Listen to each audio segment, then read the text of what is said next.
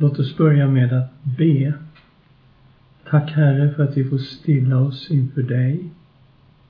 Vi ber levande Gud att du ska tala till oss ifrån ditt eget ord. Fyll oss, o Gud, med din heliga Ande. Be om nåd att du ska öppna våra ögon. I Jesu Kristi namn. Amen. Jag har kommit en bit in här i Jesajas bok.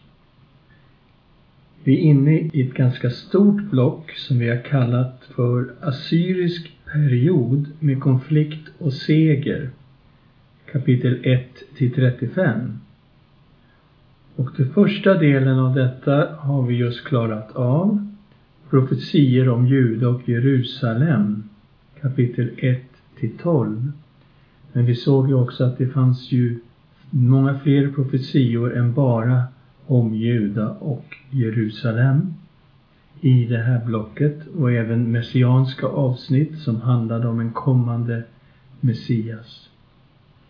Nu går vi in i den andra delen av det här som vi kallar för profetior om folken. Kapitel 13 till 27. Och här kommer det att finnas profetier om, ja, i stort sett alla folk som fanns i närområdet kring Juda. Och det första vi ska se är en profetia om Babel. Kapitel 13, 1 till 14, 23. Och det är lite anmärkningsvärt att Babel kommer först i raden av de här folken eftersom Babel inte var en självständig fri stat på profeten Jesajas tid. Utan det var ju en del av det assyriska imperiet. Men Babel var också en stat som gjorde uppror mot Assyrien. 705 gjorde man ett uppror som slogs ner 703 och sedan på 600-talet gjorde man ett nytt uppror som ledde till att Babel förstördes i grunden 689 för att sedan återuppbyggas igen. Och vi förstår att kung Hiskia, han hade lite grann med Babel att göra. Eh, när vi läser i Andra Konungaboken kapitel 18, vers 7 så ser vi här att Hiskia avföll från Assyriens kung och slutade tjäna honom.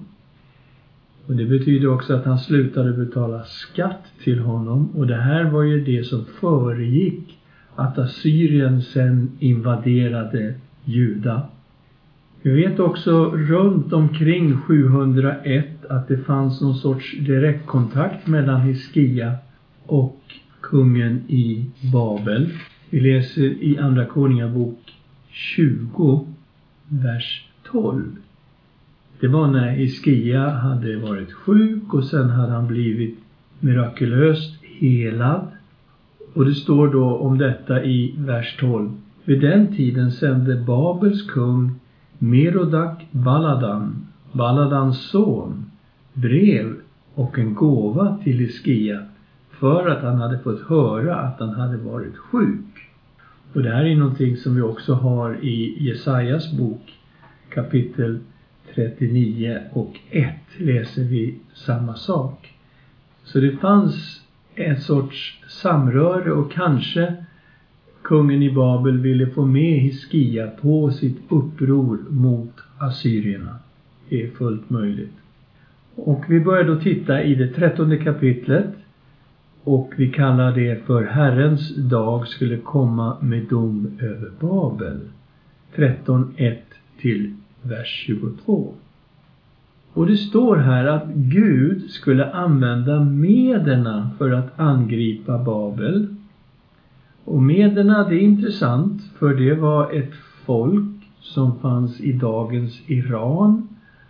Och det var meder tillsammans med perser och elamiter som var de som besegrade Babel i grunden 539 före Kristus.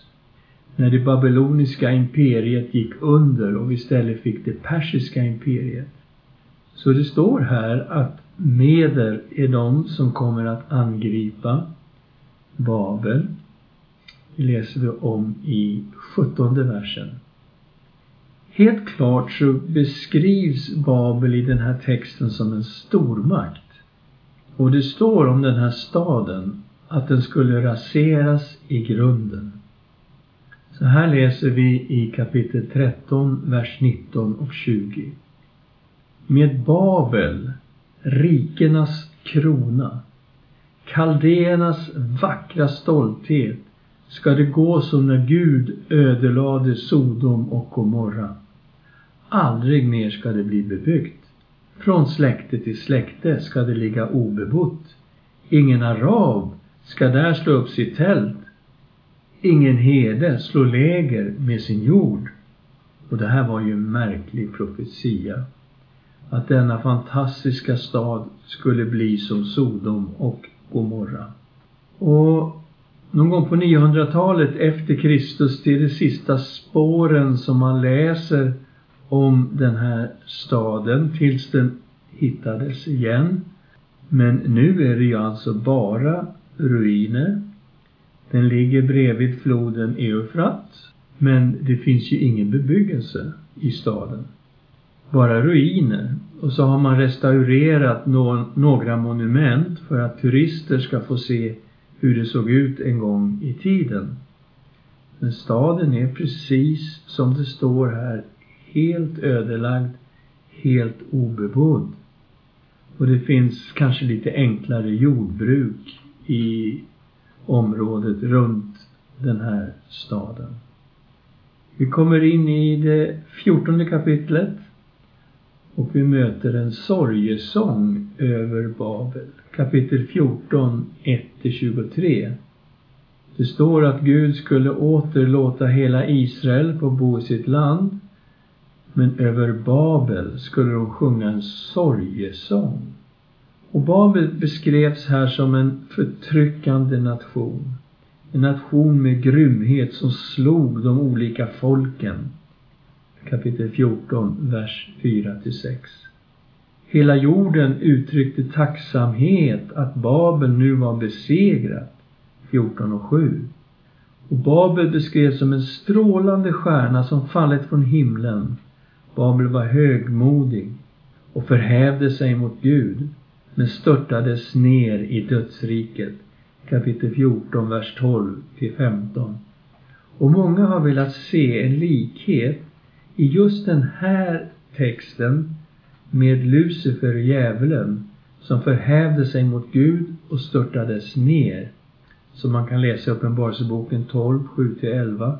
Men också Jesus sa att han såg Satan störtas ner i Lukas 10 och 18. Återigen läser vi här att Babel skulle raseras i grunden. Kapitel 14, vers 22 och 23. Och sen kommer vi till Assyrien. Assyrien var ju det rike som plågade alla de andra rikena vid den här tiden. Det var ju ett stort imperium. Och man styrde och ställde, man la folk under sig, man flyttade runt dem i det väldiga assyriska riket som fångar och de blev slavarbetare. Och eh, man tog upp skatt från de som var lydriken till assyrierna. Så det var ett mäktigt rike, det var ett imperium på den tiden. Men det här var ett rike som skulle krossas. Och det blev Babel som frigjorde sig ifrån assyrierna 628 f.Kr. och lyckades samla ihop arméer som bestod förstås av babylonier men också medier var med och hjälpte dem. Och Nineve, huvudstaden i Assyrien, föll 612 f.Kr. Och det slutgiltiga slaget stod 609 i det som är södra Turkiet idag. Och när babylonierna besegrade dem så sattes istället det väldiga babyloniska imperiet upp. Så nu, nu blev babylonierna Efter 609 blev ju babylonierna det imperium som styrde över hela den här regionen. Nineve låg vid dagens Mosul i Irak.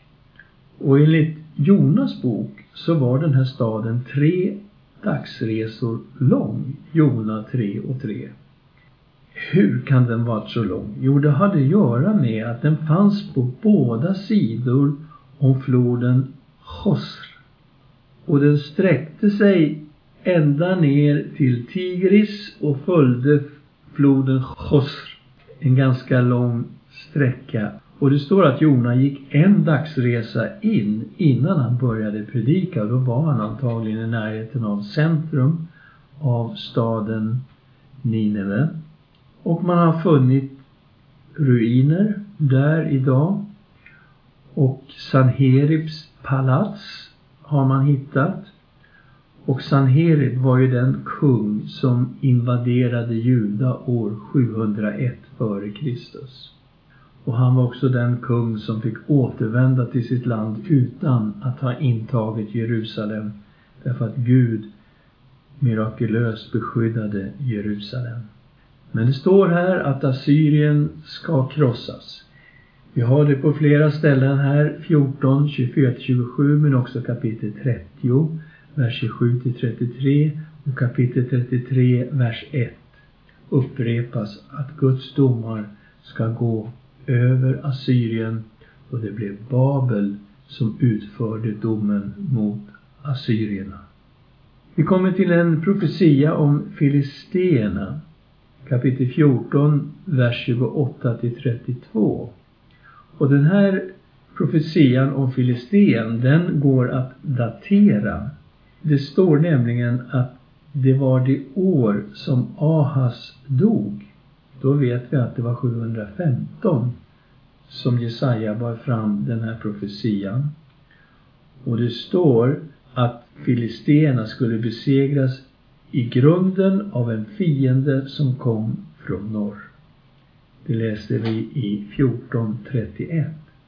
Och vi vet också att assyrierna härjade deras land 720, 712, 701 f.Kr. Men den som fullständigt och slutgiltigt utplånade filistén som stat, det var kung Nebukadnessar, Babels kung. Kom ihåg att Babel hade blivit ett imperium efter 609. Och man utplånade filistén som stat år 588 före Kristus. Det kommer profetia om Moab i kapitel 15, vers 1 till 16-13. Och det handlar om att plötsligt, på en enda dag, så skulle Moab invaderas. Och det är förstås assyrierna igen som kommer och slår ner Moab. Och de sjunger en sorgesång över Moab. Och många flyktingar flydde också och man flydde in i Juda. Och det är intressant att se att judarna uppmanades att ta väl hand om de här flyktingarna i kapitel 16, vers 1 till 5. Och så kom återigen detta med Damaskus och Israel. Alltså Damaskus var ju huvudstad i Aram och Samaria var huvudstad i Israel. Och här upprepas det som vi har läst tidigare det går mycket väl att tolka in kapitel 17, vers 1 till 14 till 735 f.Kr. När Aram och Israel var i allians med varandra och man hade kommit överens om att man skulle angripa Juda. Och här kommer det, Guds domar ska gå över Aram, Damaskus ska besegras och folket kommer att föras bort i fångenskap. Och samma katastrof skulle drabba Israel och det var på grund av avguderi, kapitel 17, vers 7 och 8. Det här verkställdes ju 732 före Kristus när assyrierna kom. De tog först Damaskus, sen tog de hela norra Israel och förde folket bort i fångenskap till Assyrien. Och sen så blev Israel ett skattepliktigt rike under Assyrien men 722 så invaderade man hela Israel, intog Samaria, förde Israel, det norra riket, i fångenskap till Assyrien. Sen kommer vi till profetier om Nubien och Egypten. Och det är ganska många kapitel som rör sig om Nubien och Egypten. Det är från 18.1 till 26. Och nubierna, ja de finns fortfarande idag. De bor i södra Egypten och norra Sudan. Och faktum är att nubierna styrde över Egypten från cirka 710 f.Kr. Och Jesaja, han beskrev de här som resliga med glänsande hy. Tydligen hade de sänt budbärare med papyrusbåtar.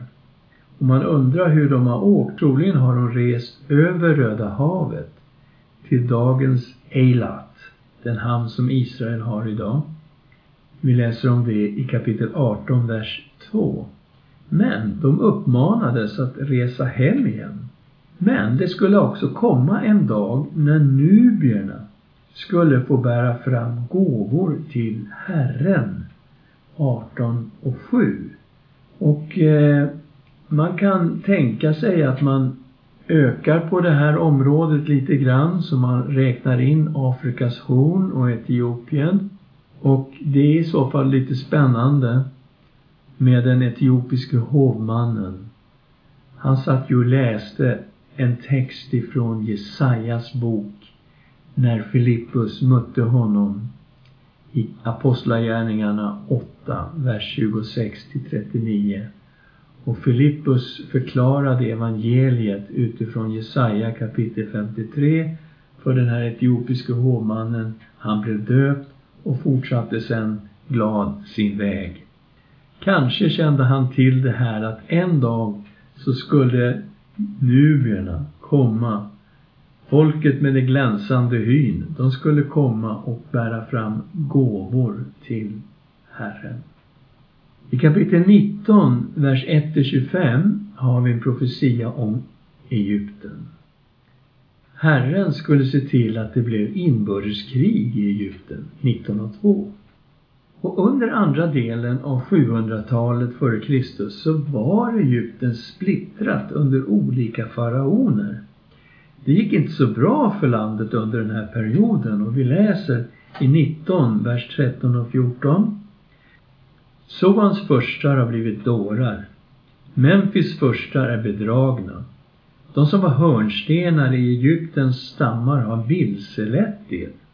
Herren har utgjutit en förvirringens ande bland dem, så att de vilseleder Egypten i allt de gör, likt en berusad som raglar i sina spyor. Ja, det var ju ett väldigt målande språk. Så att det var en väldigt kaotisk period i Egypten på den här tiden. Men landet enades då till slut under Nubien Shabaka på 710-talet så nubierna blev de som faktiskt styrde över Nubien och Egypten. Jesaja bar fram en märklig profetia att Juda en dag skulle bli en skräck för egyptierna och att fem städer i Egypten skulle tala Kanans språk. Det är kapitel 19, vers 17 och 18. Man undrar lite vad detta skulle kunna vara man, det kan vara värt att notera att Jeremia nämnde fyra platser i Egypten där det fanns judiska bosättningar i Jeremia 44 och 1. Och en dag skulle egyptierna lära känna Herren, 1921, väldigt positivt. Det skulle till och med gå en banad väg från Egypten till Assyrien via Israel och det skulle finnas ett förbund mellan de här tre länderna 1923 till 24. Och det här är en fantastisk profetia om Egypten. Och när vi bodde i Egypten under 13 år på 70 80-talet så var många koptiska kristna medvetna om de här löftena. En del menade att detta låg i framtiden.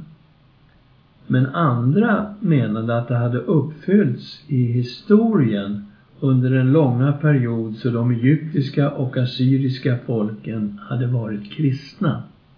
Så det är i alla fall värt att notera att det är en mycket märklig profetia. Egypten och Nubien skulle intas av Assyrien. Då är jag uppe i kapitel 20, vers 1-6. Här finns en profetia som går att datera till 712 f.Kr.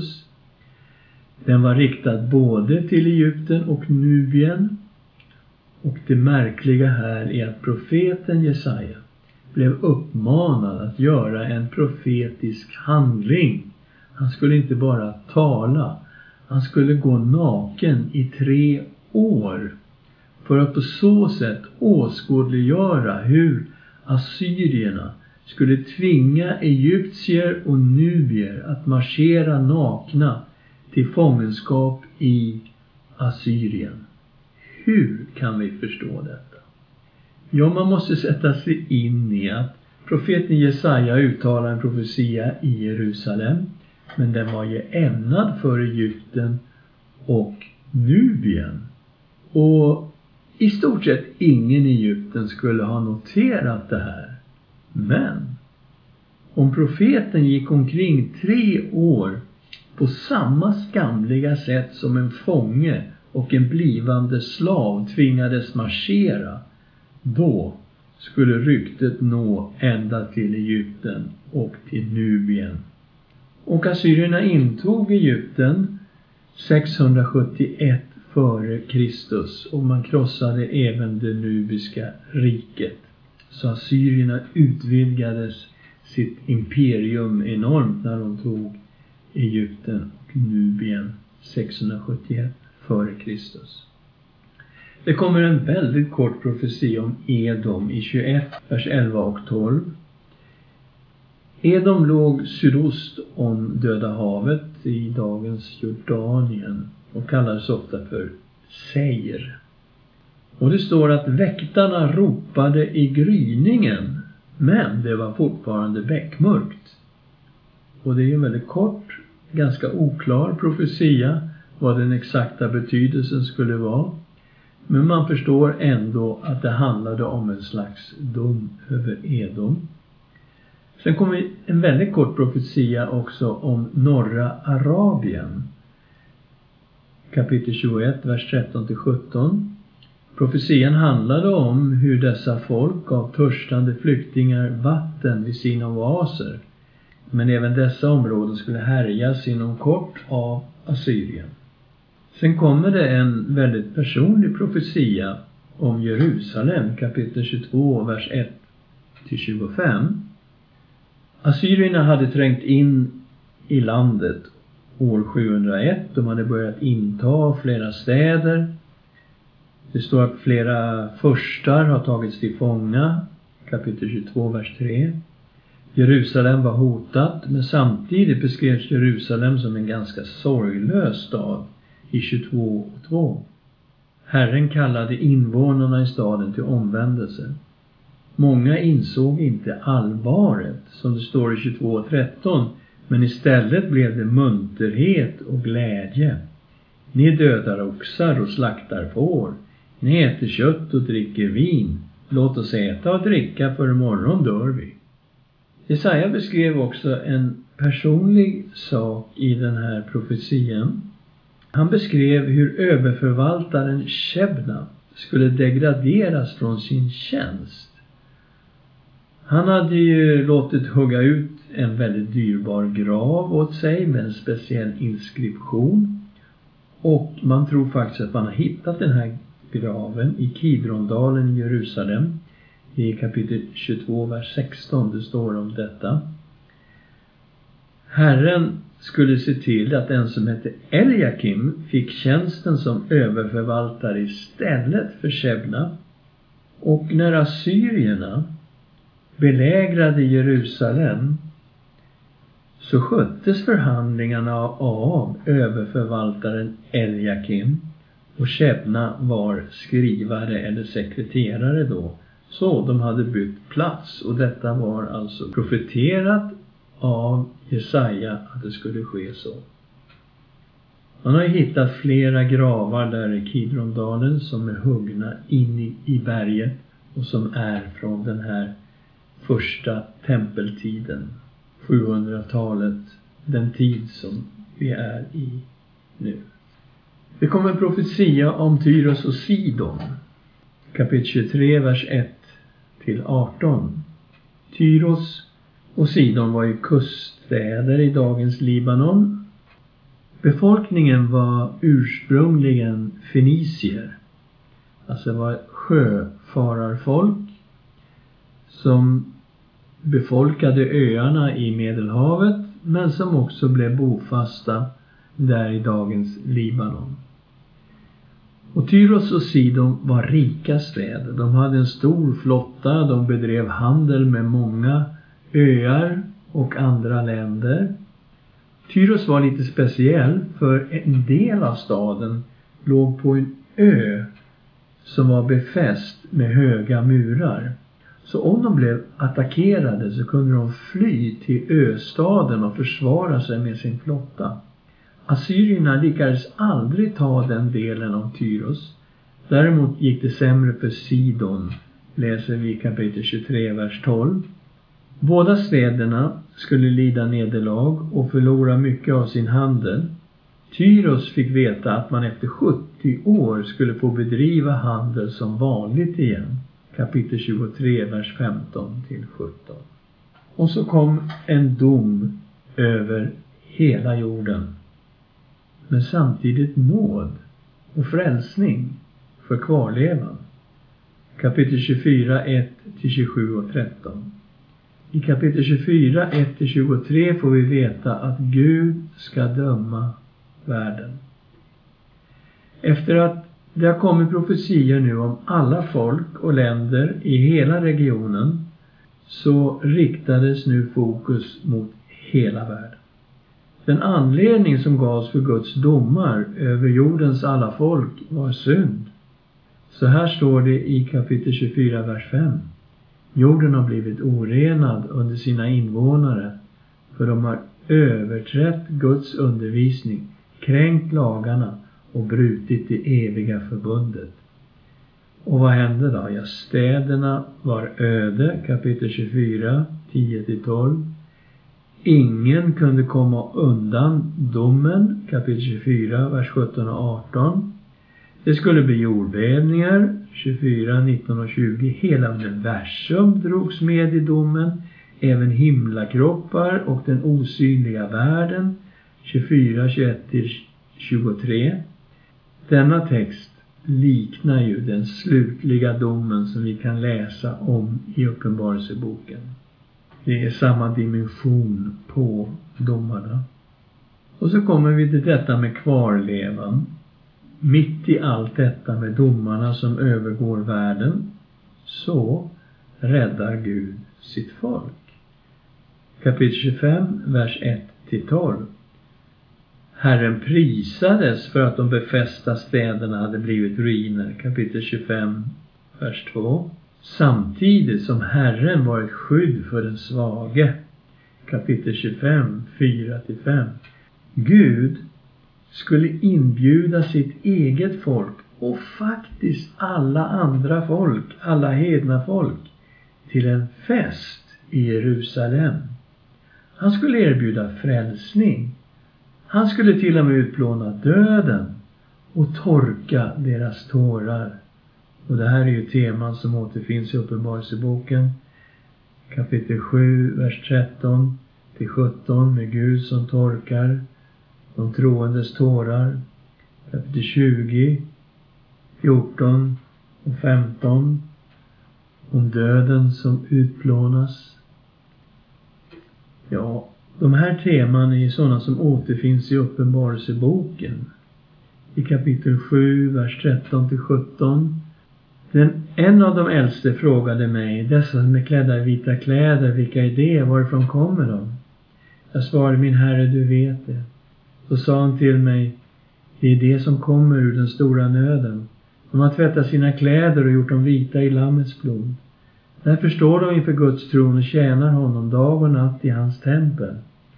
Och han som sitter på tronen ska slå upp sitt tält över dem. Vi ska aldrig mer hungra, aldrig mer törsta och varken sol eller måne eller någon annan hetta ska drabba dem. För lammet, mitt på tronen, ska vara deras herde.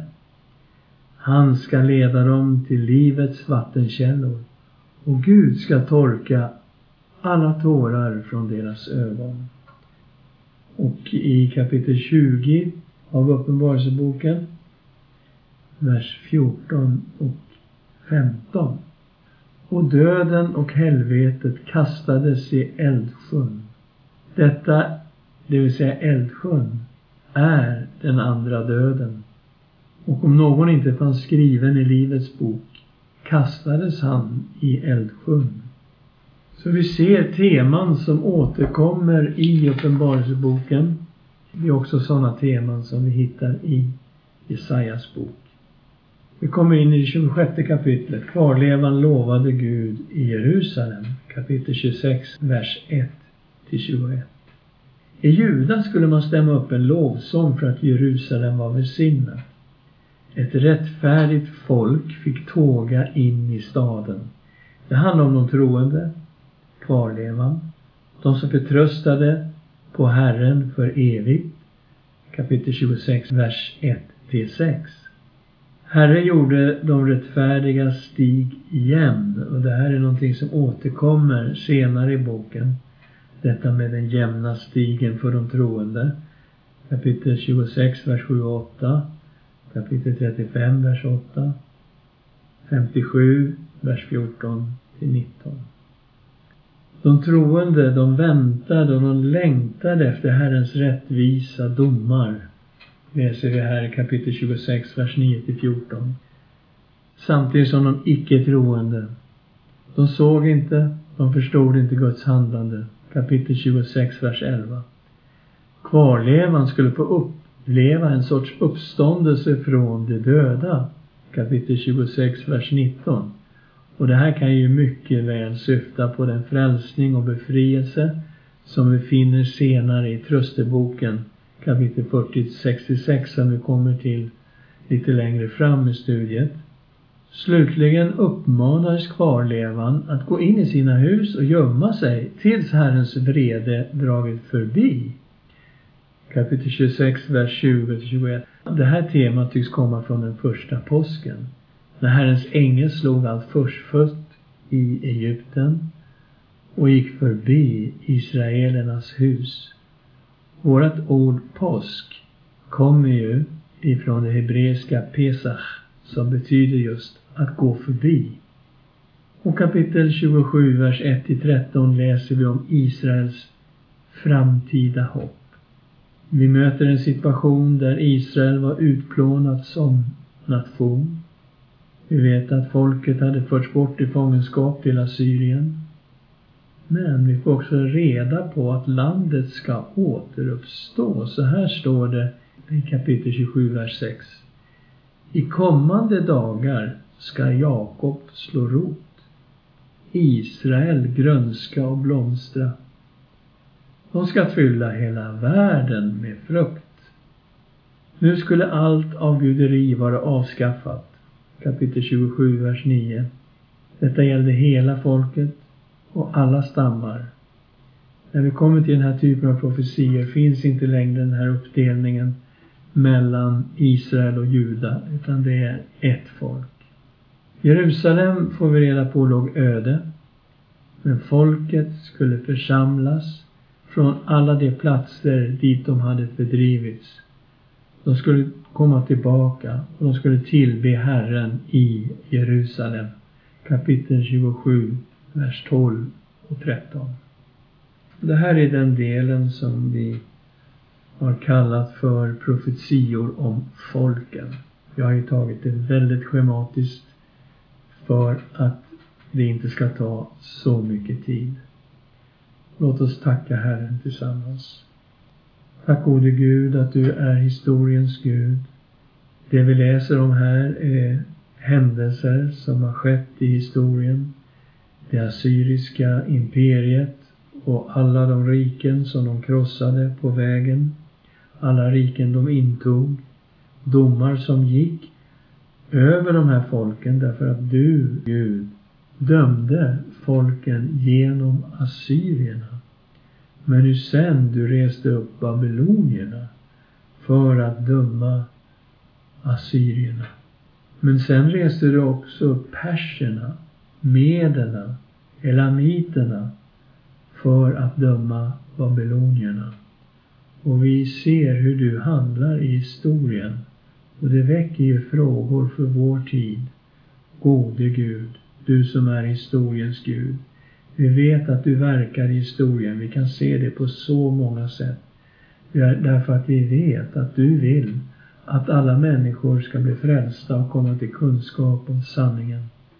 Tack för vad du har gjort i Kina. Tack att du har öppnat denna väldiga nation. Att det är en stor väckelse. Och att det är så många miljoner kineser som tar emot dig till frälsning i våra dagar. Tack att du öppnat Centralasien som var helt stängd under Sovjetunionens tid och att nu blir muslimer frälsta i Centralasien. Tack att du öppnat Iran, ett folk som inte var öppet för evangeliet men som idag är kanske det mest öppna av alla muslimska länderna i världen.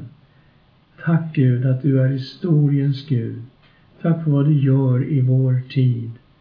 Att så många muslimer finner dig till frälsning. Vi ger dig ära och tackar dig i Jesu Kristi namn. Amen.